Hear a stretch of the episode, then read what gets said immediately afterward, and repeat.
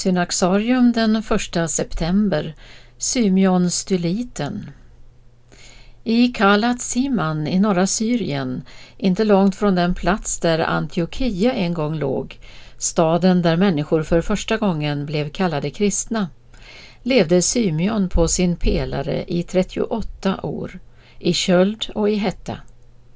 När besökarna blev för närgångna byggde han pelaren ännu högre. Det fick motsatt effekt. Ju mer han sträckte sig mot himlen, desto fler var de som kom för att se honom. Några få, de allra ivrigaste, fick ynnesten att klättra en bit upp för att samtala med Symeon.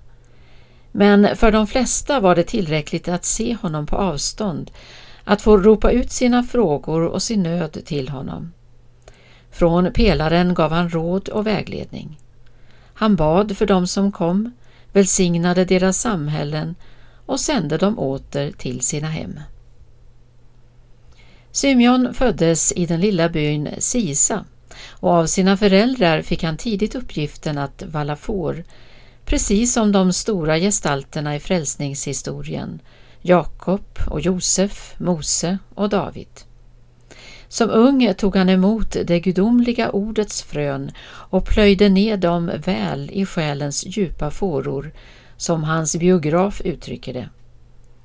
Han sökte sig till ett andligt träningsläger som hade satts upp av några erfarna för att med tiden bege sig till den klippa där han ville vara ensam för att söka Gud.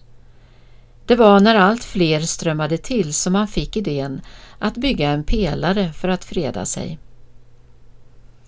Det paradoxala var att Symeon, som ansträngt sig till det yttersta för att göra sig otillgänglig för världen, blev det tidiga 400-talets främste missionär i kristenheten. Hela den syriska landsbygden kristnades genom honom. Och mer än så, från många länder kom stora delegationer resande för att se undret, gestalten på pelaren. Väckta och förundrade återvände de till sina landsmän och berättade vad de hade sett.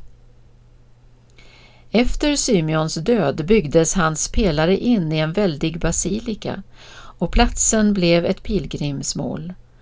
Han fick också många efterföljare och 400-talet såg framväxten av en pelarväckelse runt om i Syrien. På sina pelare enade de heliga männen himmel och jord. Kroppen var hos dessa asketer ett draperi genom vilket man kunde skymta en annan sällsam värld.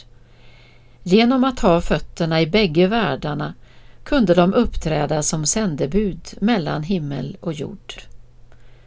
Symeon Stylitens biografi nedtecknades redan under hans levnad år 444 av eh, Theodoretos som var biskop i Kyrhos. Symeonsklippan hörde till dennes biskopssäte och han var själv ögonvittne till det han skildrar.